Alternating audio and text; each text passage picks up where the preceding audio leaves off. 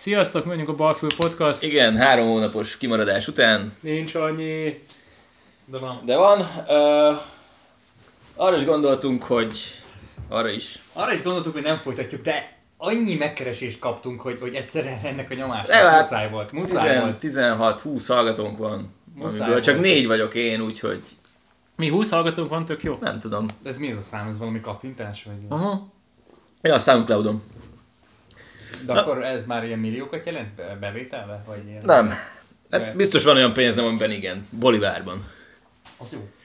Uh, na. Évértékelünk, vagy mi volt a terv mára? Hát figyelj, ne, ilyen, kezdjük ilyen lájtosabb témákkal, mint például a Brexit. Állítólag a Bandi tájékozott.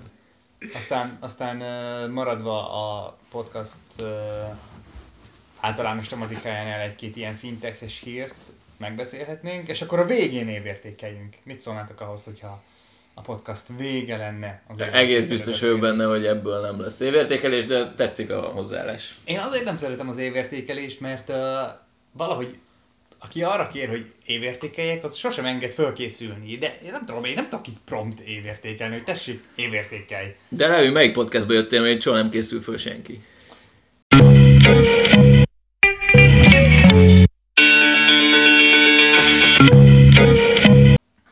Akkor csapjunk bele a Brexitbe. Um, Csapjunk. én tök érdekel, hogy ti mit gondoltok róla, hogyha most gyakorlatilag hard Brexit lesz. Mióta, mióta húzódik ez a szappanopera amúgy? Mikor volt az első ilyen brexites, mikor volt a szavazás? Két éve? Két éve nyáron. Wow. Azt hiszem Tényleg? július. Na ez a kemény, igen. Már két éve. Na ez, ez elég sokat elmond a Brexitről Na, szerintem, igen. akkor szerintem ez elég durva. Uh, lehet olvasni ezt a két fogalmat, ezt el, elmagyarázod, uh, Bandi, hogy mi ez a, a hard meg a soft Brexit közötti különbség? Hát én úgy szoktam szépen értelmezni, hogy a hard Brexit az klasszikusan az, amikor mindent elvágsz egyik pillanatról a másikra, és gyakorlatilag nem szállhatnak le gépek az Egyesült Királyságban, onnan nem jöhetnek gépek e, Európa felé, tehát gyakorlatilag minden egyes bilaterális e, e, Egyezmény. egyezmény, amilyen szükséges lenne, az abban az időpróban nincs meg. Tehát gyakorlatilag úgy, úgy válnak el, vagy válnak ki, hogy ezek nem megoldottak, még nem mehet át a vonatos alagúton. És, és aki kimaradt, az, az nem jöhet haza, vagy mi?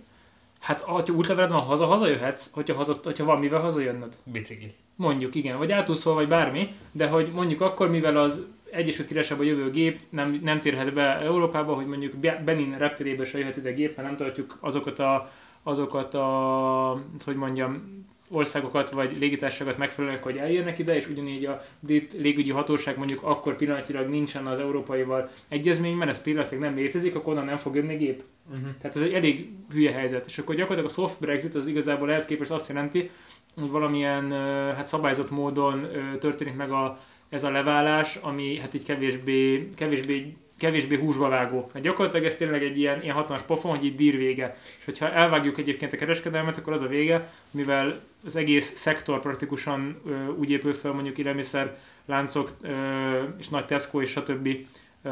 boltok szempontjából, hogy nagyon keveset raktároznak, mert minimali, min- mi minimalizálták a raktározási költséget az elmúlt évtizedekben, erre törekedtek, ezért mondjuk oda nem fog beérkezni sem magyar paprika, se spanyol narancs, se semmi. Tehát mondjuk a, a polcok megüresednek, mert, mert nincs semmi. Uh-huh. A, gy- a gyárak nem tudnak gyártani mondjuk. Tehát ott gyártanád a fogkefét, vagy a fogkrémet, vagy palackoztad a sört, és még nem fog jönni kupak. Mert a kupakot egyébként egy, egy nem is tudom, mondjuk valamilyen osztrák vagy spanyol gyár csinálja neked. Vagy a zárjegyhez szükséges filmet bele.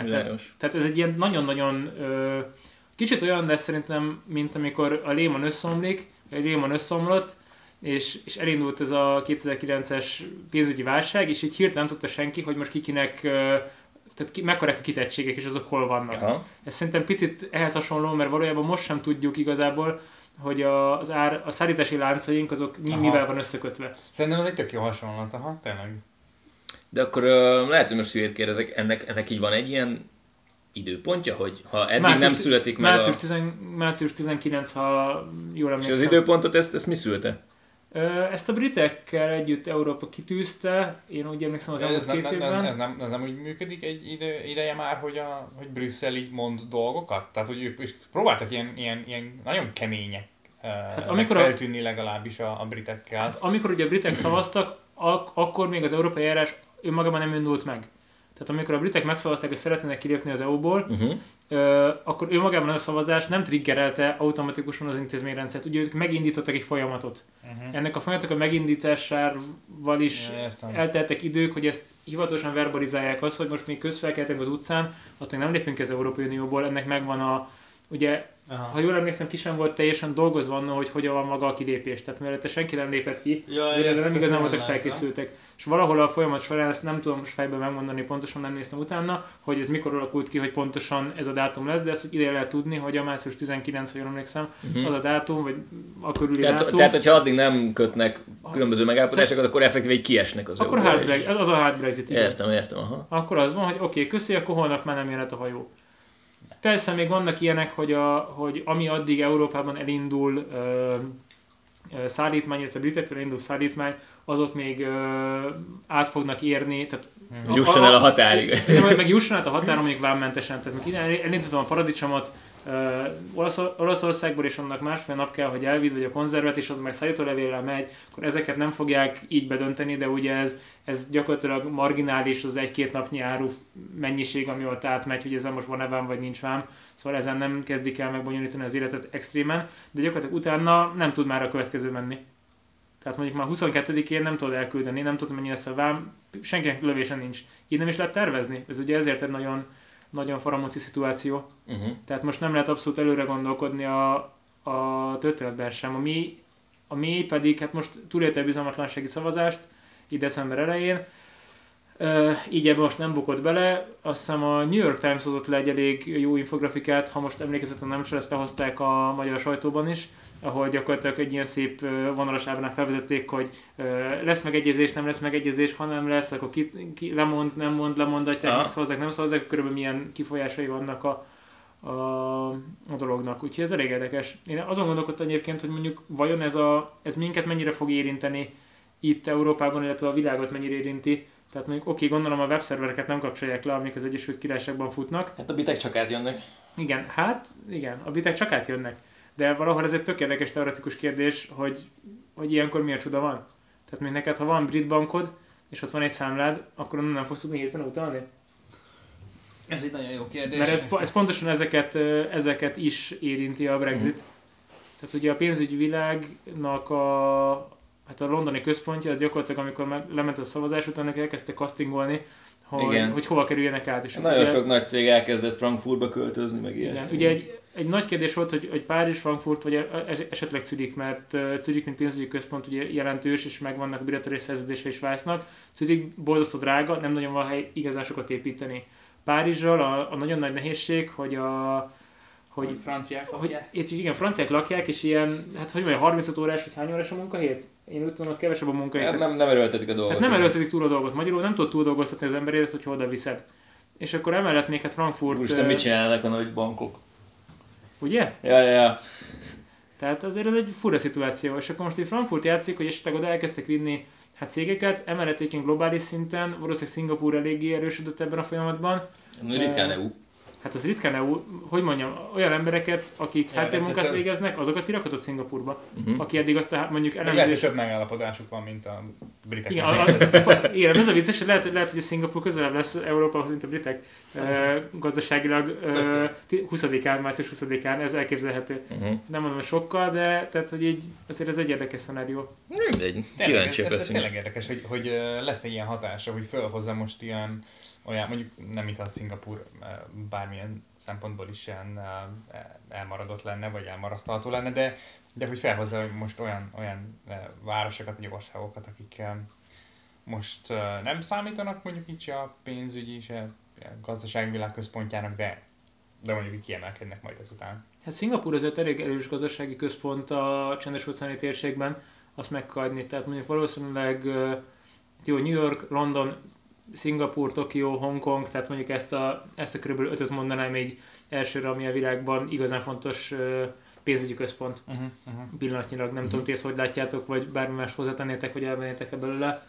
Mm, engem egy kicsit meglepett, ö, hogy a skandináv térséget én nem érzem ebből a szempontból erősödni. Nekem a személyes tippem az lett volna, hogy amikor a a britektől hát praktikusan ezek a pénzügyi cégnek az elvándorlás indulna, azt én Skandinávia, Dánia, Hollandia... Én ilyen Tallint mondanék, ami Tallinn, most igen, nagyon durván feljött az utóbbi időben. Igen, tehát hogy, hogy érdekes, aztán lehet, hogy ment oda egy csomó kis cég, ez nem Mhm. kizárt. Uh, jó, geopolitikailag az észlet-litván térség az orosz kitettség miatt nem biztos, hogy az első választásom lenne, hogy oda kellene vinnem 10-20-30 ezer dolgozót. Tehát, hogyha bármilyen katonai agresszióval számolsz két-három évtizeden belül, akkor ott elég közel van az orosz határ. Ez ebből a szempontból potenciálisan De akkor már Számít nem ez a mai világban? Ja, hát akkor már nem mindegy, hogyha most tényleg ilyen a szám, akkor már akkor már tök mindegy, milyen, milyen, milyen közel van a határ, ha, ha tényleg ilyen komoly. Ilyen. Jó, egyébként az oroszok azok folyamatosan húzgálják a balszát a balti országoknak. Igen, de adatközpontokat nem rakunk az orosz határra. Azért azt ne felejtsük el. Tehát a világ adatközpontjai azok ilyen eléggé hát, hidegövi területeken vannak, ahol általában elég sok ide nem volt háború. Úgy tudom, a Google-nek is, vagy a Microsoftnak, de talán a Google-nek is Nagyon az sok központja. Finnország, Norvégia, meg Finnország, ilyenek. igen, Igen. annak ilyen Mondjuk a finnekhez rész- elég közel vannak az Igen, a finneknek erre satsuk, de például Írországban vannak nagyon-nagyon komoly ö, ilyen létesítmények Kanadában, ahol mondjuk több száz éve nem volt komoly katonai konfliktus. Mm. Tehát viszonylag elhagyatott helyek, ugye és miért van északon, vagy hát miért van sarkörök felé, Olcsó hűteni. igen, ne kelljen igen, hűtésre költeni, ezért nem a szaharába rakjuk. Tehát praktikusan el- ilyen elég stabil helyekre pakolnak ilyeneket. Most a balti országok még történelmi távlattal nem tekintetőek szerintem nagyon hosszú távon stabil. Tehát Írország összehasonlítva nem ugyanazt a stabilitást képviselik. Aha. Én ezért gondolnám ezt. Most, hogy felhoztad Írországot, hogy fogja érinteni az Egyesült Királyságnak azokat a tagjait ez a Brexit, akik mondjuk, mit tudom én, tényleg például Írország. Hát Észak-Írország, igen. Aha. Hát ők, ők felbőszültek, nem? Hogy akkor ők is kilépnek. Igen, akkor ők is kilépnek a UK-ből, meg ilyen, Skócia is ilyen. Hát Igen, és akkor elindul egy ilyen, izé, ilyen hullám, hogy Ez akkor egy Montreal le akar szakadni, vagy Quebec le akar szakadni Kanadáról, meg ilyenek. Ú, Békés Csaba. Békés Csaba önálló városállam lehetne, Így van. végre. Leszakadt Békés megyéről. Igen, tehát hogy így, ennek abszolút van egy, van egy ilyen politikai vonzata, ami, hát, ami már nem, nem, nem gazdasági racionalitást surló kérdés, hanem politikai kérdés. Ugye ez pontosan ugyanazzal megegyező problematika, mint ahogy a Katalán, Katalánia, Katalónia szeretne függetlenedni a spanyoloktól, hogyha ezt a spanyol állam praktikusan engedi, hogy ez végbe menjen, illetve a, a környező országok, jelentős országok elismerik, ezeket precedenseket teremtenek, szintén egyéb kisebbségek, kisebbségeknek arra, hogy le tudjanak szakadni a nagyanyag országaiktól. Ezt általában nem szokták a nagy országok támogatni, pontosan azért, mert akkor oroszoktól is mondjuk az a terület, ami Moldáviával határos, és ilyen románok lakják, mindig elfejtem ennek a területnek a nevét, ö, Szovjetunió foglalt el második világháború körül, és onnan leszakították, tehát ők mondjuk akkor függetlenednének. Mm. ugyanígy törekvésként lehetne mondani Kárpátaljáról a magyarok függetlenednének, vagy a lengyelek Lengyelország felé, vagy mondjuk ugyanígy ezt tovább gondolva a baszkok ki akarnak válni Franciaországból és Spanyolországnak az északi területéről, és saját autonóm területet létrehozni, még saját országot létrehozni, ezek az országok integritását veszélyeztetik. Ugye a briteknél is pont ez egy, ez egy nagyon kényes pont, amit most szóba az Észak-Írország, mert ugye nagy nehezen sikerült a, az erőszakos konfliktusokat lezárni, amiket tehát az irával való Uh-huh. praktikus hát végig háború jelentett, és ugye ez, ezekben azokat tudták garantálni, hogy az emberek átjárhatnak Írországból, Észak-Írországba és vissza, áruk mozgása, stb. stb. Uh-huh. Na most ugye Brexitnél ez pontosan egy ilyen 22-es csapda jellegű dolog, hogyha ők kilépnek, Írország marad, akkor Írország és Észak-Írország között határt kell vonni. Hogyha határt vonnak, akkor félre, hogy kiülő a fegyveres konfliktus. Ha nem vonnak határt, akkor pofán köpik magukat, mert akkor nem csak igazi Brexitet. Hogyha a határt a tengeren húzzák meg, tehát Észak-Írország és, a, és, öm, és az Egyesült Királyság között, ö, bocsánat, az Egyesült Királyság és Nagy-Britannia, ugye- az kettő különböző entitás. Igen. Az egyikbe A brit szigetek vannak, a másik pedig maga az ország. tehát az egyikbe tartozik Wales, Anglia és Skócia, és az, a bővebben még plusz Észak-Írország tartozik bele. Ugye ez különbözteti meg a kettő entitást egymástól. Tehát, Nagy-Britanniában nincs benne a... Én szerintem Nagy-Britanniában nincsenek benne az északírek, de az Egyesült Királyságban már benne vannak az északírek. Ezt egyébként a Wikipédián nagyon könnyen lehet ellenőrizni. Ja, van egy ilyen halmazdiagram, hogy most Igen. mi minek a része. Pontosan, igen, igen, igen. Úgyhogy ez ebből a szempontból nagyon érdekes dolog lesz, hogy ezt hogyan próbálják orvosolni. Lesz-e valós határ, nem lesz határ, kiúznak egy, egy madzagot, és ez a határ, és persze ugyanúgy átmész rajta, vagy pedig oda effektív fegyvereseket küldenek, meg elkezd a berlini fal mintájára Uh-huh. falat építeni. Tehát itt bármi előfordulhat, és ezt nem nagyon lehet tudni, hogy ezt hogyan szeretnék kezelni. Ugye a briteknél is belpolitikai válság van, kőkeményen gyakorlatilag a Brexit-et is már ez előzte meg, ezzel szerettek volna kimenekülni. A Brexit népszavazással szerette volna a Cameron megerősíteni a helyzetét, amiből hatalmasat bukott, mert ugye az volt a prekoncepció, hogy á, ezt úgysem szavazzák meg a britek. Ő ezzel szerette volna megerősíteni a helyzetét. Tehát már akkor egy belpolitikai, egy, belpo- egy szopás. tehát egy belpolitikai húzás miatt kavarták bele magukat ebbe az egész őrületbe, amiből azóta sem tudnak kimászni. És gyakorlatilag... ö, Egyébként nagyon durva, hogy, hogy ö, kicsit tágabban nézve ezt így, így van a világon egy ilyen, nem is tudom, értelmiségi réteg, aki, aki már nem tudom, hogy a gyára nyalja ezt, hogy hát ez úgysem fog megtörténni, és, és mindig megtörténik. Trumpot is megszavazták, arra is hányan mondták, hogy ez lehetetlen, hát nem, hát no way. Ja, Aztán valahogy megtörtént. Igen, nem olyan tisztában vele. Tehát, hogy, hogy így, így mint hogyha lenne egy ilyen, nem tudom, egy ilyen, ilyen torzító mező, ami így, így el, eltünteti ez, ez ezeket. pszichológia. Biztos láttatok a Big Short című filmet, Ah, és abban pontosan a kettő fő fontos szereplő az ugye ezt mondja, hogy, hogy nekik az volt a stratégiájuk, hogy olyan dolgok ellen fogadnak, olyan dolgokra fogadnak, amikre az emberek nem számítanak, mert nagyon rossz. Tehát, tehát nagyobb, nagyobb valószínűséget ö, ö, gondolsz azoknak a dolgoknak, amik, amiket szeretett, hogy megtörténjenek, mint azok, amiket nem. És ők mindig ilyenek ellen fogadtak, és hogyha tévedtek, akkor kicsit tévedtek, és hamar lezeltek a pozit, hogyha meg...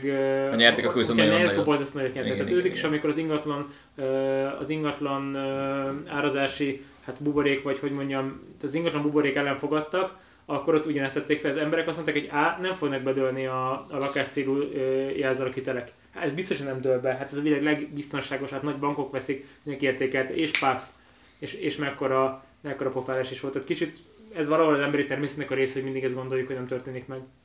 Hm. Mindenesetre nagyon érdekes dolog lesz, hogy ezt a, ugye brit belpolitikai válság ezt hogyan fogja kezelni, és hát az ezzel jövő gazdasági, gazdasági hatások hogyan fogják ér- ér- érinteni a társadalmat. Most London városának talán 70-80 százaléka nem angliai születésű lakos. ja, ja. Tehát Európából odajövő ember, aki bankártól a villamosvezetőn át valahonnan elszármazott, és ott dolg, azért van ott, hogy dolgozzon. Azért alapvetően nem hiszem, hogy a Londonnak a személyes varázsa ö, annyira kiemelkedően magas. Sokkal fontosabb volt a, ott az, hogy gazdaságilag lehetett egyről a kettőre jutni. Tehát kicsit, mint New York bármikor, hogy a Amerika lehetőségek hazája, Európán belül London volt az a hely, ahol felültél a fapadosra, oda elrepültél, és akkor majd lesz valahogy, és ha inget Mhm. vasalsz, akkor inget vasalsz, hogyha parkot akarítasz, akkor azt, és akkor majd valahogy lépdenünk előre. És borzasztó erős szolgáltató szektoruk van, tehát várhatóan ez is meg fog változni. Tehát ha most belegondolunk, hogy hány ö, online szolgáltatást használunk, ö, azon belül is akár finteket, azoknak mekkora kitettsége fut át Londonon, illetve magán Anglián és Nem környezetén. azt a szolgáltató szektort, azt nem arra értetted, hogy ö, ott házon belül konkrétan a szolgáltató Éttermek is is, is, Is, is, is. csak ez, ezt, ezt mondtam túl, hogy és ezen kívül még maguk, tehát mondjuk, Ja. a, mondjuk Magyarországon itt van a Vodafone, Vodafone központja, ha jól tudom, akkor London mellett Reading például, tehát mondjuk, hogyha megszűnik ez, tehát mondjuk ott nem lehet majd dolgozni európai adatokkal amikhez most per pillanat mondjuk hozzáférnek, és akkor hirtelen vihet ez az összes hálózatbiztonsági mérnököt, mindenkit onnan el kell raknod, mert, mert, mert a GDPR miatt oda ugye nem mehet ki adat. Tehát ez, ez sőstől felforgat mindent. Uh-huh. Várhatóan nem Cambridge és Oxford fognak összeomlani, tehát mondjuk top oktatási intézményként ezek fenn fognak maradni. Uh, ami nagyon érdekes, hogy amikor a skótok szerettek volna egyszerűen függetlenedni, akkor a skótok... Tényleg még azok is vannak. Igen, ők ugye nagy EU pártiak. Tehát, hogyha most valójában megtörténik ez a lépés, akkor a skótok... Azt fogják mondani, hogy akkor nekünk nem kell a UK. igen, nekünk nem kell UK, pontosan. Tehát utána ezt, ezt a brit belpolitikán belül egy további törés fogja követni, hogy a, a skótok tudják, hogy ők nagyon-nagyon sokat jöttek fel az EU miatt gazdaságilag, és ezt ért, értékelik is eléggé, ezért ők borzasztóan fogják azt támogatni, hogy ők leszakadhassanak Nagy-Britanniáról, és újra visszakerülhessenek valamilyen módon az EU-ba. Uh-huh. Ez nagyon érdekes mozatai lehetnek ennek. És ilyenkor nincs valami mód arra, hogy ők előre menekülve azt mondják, hogy amikor majd megtörténik a Brexit, mi nem szeretnénk. Tehát, hogy, hogy ö, A, hát Anglia nem szeretné elveszteni a... ez tiszta sor De nekik persze. nincsen joguk ilyet mondani, nem? Tehát ő igazából... Hát van skót parlament, itt pontosan ez a nehéz, hogy, ezt, hogy itt most a, például bea- beavatkoznak-e az angolok fegyverrel. Ezt nem lehet tudni. Tehát ez annyira a jövő és annyira spekuláció, hogy nem lehet tudni. A történelemben láttunk már ilyet, hogy beavatkoztak fegyverrel, még az elmúlt 1000-2000 évben nem az volt a jellemző, hogy felemelték emberkék a kezüket, szavaztak egy 63% versus 37-et, és akkor jó, akkor most elengedünk titeket. De a 20. században azért ez megy De az jutott eszembe, hogy el, el, el, el, kéne menni Belfastba, amíg el tudok. Hát igen. Tehát ez egy abszolút érdekes dolog. Én a szektor is nagyon kíváncsi leszek, hogy így most hogyan fog minden átrendeződni. Hm. Na jó, szerintem De, Brexit de hirtelen- még, még annyi, hogy mi indította be a világba ezt a, ezt a nagy függetlenedjünk mindentől, és mindenkitől lázat, ami mostanában hogy végig söpör a világon, és minden. Szerintem pszichológia egyszerűen, tehát hogy a... De korábban ez nem volt. Korábban az volt, hogy fogjunk össze, De hát a, az ENSZ-nek az elődje, és annak is az elődje, és annak is az elődje, tehát mindig vannak, mindig vannak centralizációs folyamatok, utána mindig vannak elszakadási folyamatok. Kína történelme erről szól az elmúlt három ezer évben, Mhm. hogy Kína szétesik. Tehát eh, akkor ez egy természetes folyamat, egy természetes hogy folyamat, persze. Tehát valószínűleg, amikor kivívunk valamilyen értéket, amit elérünk, És ezeknek a- és a tudatában vagyunk ennek, és a következő és következő generáció ezt megéri, ezt természetesnek gondolja, próbál lázadni és változtatni, akár csak a popzenében, akkor utána ez megint uh-huh. cserélődik, és utána újra visszatetnek. Van egy természetes, hát hogy mondjam, dinamikája. És ennek a, ennek a hullámzásnak a mondhatom így az amplitudója, az ugye a történelmi távlatok, történelmi távlatban ez, ez csökken, vagy, vagy tehát, hogy kisebbek ezek a kilengések? Ezt most meg kellene néznünk konkrétan, ezt most fejből erre a hülyeséget nem akarok mondani. De a zenében tök, jó, tök jó pofa, tehát ott nagyon érdekes, hogy mondjuk van egy, hogy mondjuk van egy big banded a háború előtt, utána jön egy jazzed, az, még, az már kevesebb ember, akkor megint több, akkor utána hozol valami, nem tudom, beat zenét, azt játszák ketten, hárman, négyen, akkor utána még lecsupaszított csinálsz belőle valami punkot, azt már tényleg, és utána újra elkezd feljönni, utána újra kicsit komplexebb, mondjuk hozol valami ilyen akkori 80-as évek elektronikáját, utána most térnek vissza az emberek megint a raphez, meg a hip-hophoz, ami borzasztóan megint le van csupaszítva, Uh-huh. tehát nem egy túl cizellált, és ezeknek van egy ilyen érdekes dinamikája, hogy ezek a trendek hogyan változnak. Durva. Tehát ezt, ezt egy csomó dologban meg lehet találni. Tehát ha most vissza, tehát száz évre visszanéznéd, hogy milyen, milyen zenekarok adják mondjuk a legtöbb, vagy melyiknek van a legtöbb hatása, nem az a jó hogy melyik adja a legtöbb lemezt, de mondjuk ez is egy bizonyos időtávon ezt, ezt támogatná. Tehát csak ezek abszolút érdekes dolgok, hogy, így, hogy ezek hogyan váltokoznak. Valószínűleg ugyanez van Európán belül is, hogy most sikerült egyesülni, a 2000-es évek körül, most akkor éppen azok az erők erősödnek egy picit jobban meg, amíg szeretnék ezt kicsit szélre szakítani. Aha. Utána most valószínűleg leszakadnak a britek, akkor fogjuk látni, hogy ez nem akkora nagy buli, akkor most a következő 20-30-50 évvel valószínűleg ez egy elég erős statement lesz, hogy így jó, akkor nem jó kint lenni. De akkor tudnak más államok tanulni abból, hogy Európán belül volt egy, egy ilyen renitens ország, amelyik úgy gondolta, hogy mi most függetlenedünk, megszívják. És akkor mondjuk ez, ez mondjuk Magyarországon egy kicsit vissza fogja venni a, a, az EU ellenes hangokat? Vagy, vagy, vagy le, le, várható ilyen folyamat? Vagy, A nagy, vagy? kérd, a nagy kérdés az, hogy Magyarországon az EU ellenes hangok és az EU ellenes tettek, az a kettő dolog az, tehát hogy Ja. a- az valójában micsoda. Tehát az hogy, az, hogy mi szól a rádióból, meg hogy mi az effektív cselekvés, az két dolog általában. Uh-huh. Ez a, a, akkor lesz itt Magyarországon rossz helyzet igazán, hogyha a tettek ugyanazt fedik át, amit a, amit a propaganda mond. Amit kommunikálnak, igen. Tehát ugye ez mindig, ez kicsit mint, a, mint az Egyesült Államok a Szovjetunióval, tehát amíg meg nem nyerték a háborút, hogy nem voltak olyan nagyon, nagyon nagy ellenség, utána nagyon nagy ellenség volt az orosz, és utána szépen lassan a Gorbacsovig azért felpuhult. Tehát azért ezen belül is vannak, hát vannak a spektrumnak színei. Hm. Tehát ezt azért látni kell. Ugyanúgy, ahogy mondjuk a, ahogy az olajválság megérintette Amerikát, ugye az izraeli, uh, izraeli egyiptomi, ezt vissza kell nézni, de szóval a közelkeleti háború miatt ugye Az ebből a háborúra gondolsz? nem, ez még a 1970 körül olajválság, 70-80. Amikor az Egyesült Államok beavatkozott Izrael mellett, vagy segítette őket, és ugye büntetésből az- az Ez öbölmenti az arab-izraeli konfliktus? Igen, ez Aha. arab-izraeli konfliktus, és akkor ugye megbünt, idézőben büntették az Egyesült Államokat, hogy nem volt olajszállítás feléjük. És akkor ugye kiúztak a sorok, stb. Azóta persze meg már nagyon nagy barátok Szaúd-Arábiával éppen Uh-huh. Az olaj miatt. Tehát ezek ilyen, és tegyük hozzá belpolitikailag, illetve hát társadalmi felépítettségükben eléggé nem hasonlít az Egyesült Államok és Szaúd-Arábia. Hát persze. És mégis együtt működni az üzlet mentén, Uh-huh. alapjáraton. ahogy egyébként Izrael is hatalmas hát, szövetséges az Egyesült Államoknak, bár Izrael és Szaudarábia nem tudottan nagy szövetségesek. Jó, Ezt, ezt azért ki lehet így mondani, tehát Persze. hogy, hogy törésvonalak mindig vannak. ez egy tök gondolatébresztő, meg tartalmas beszélgetés volt.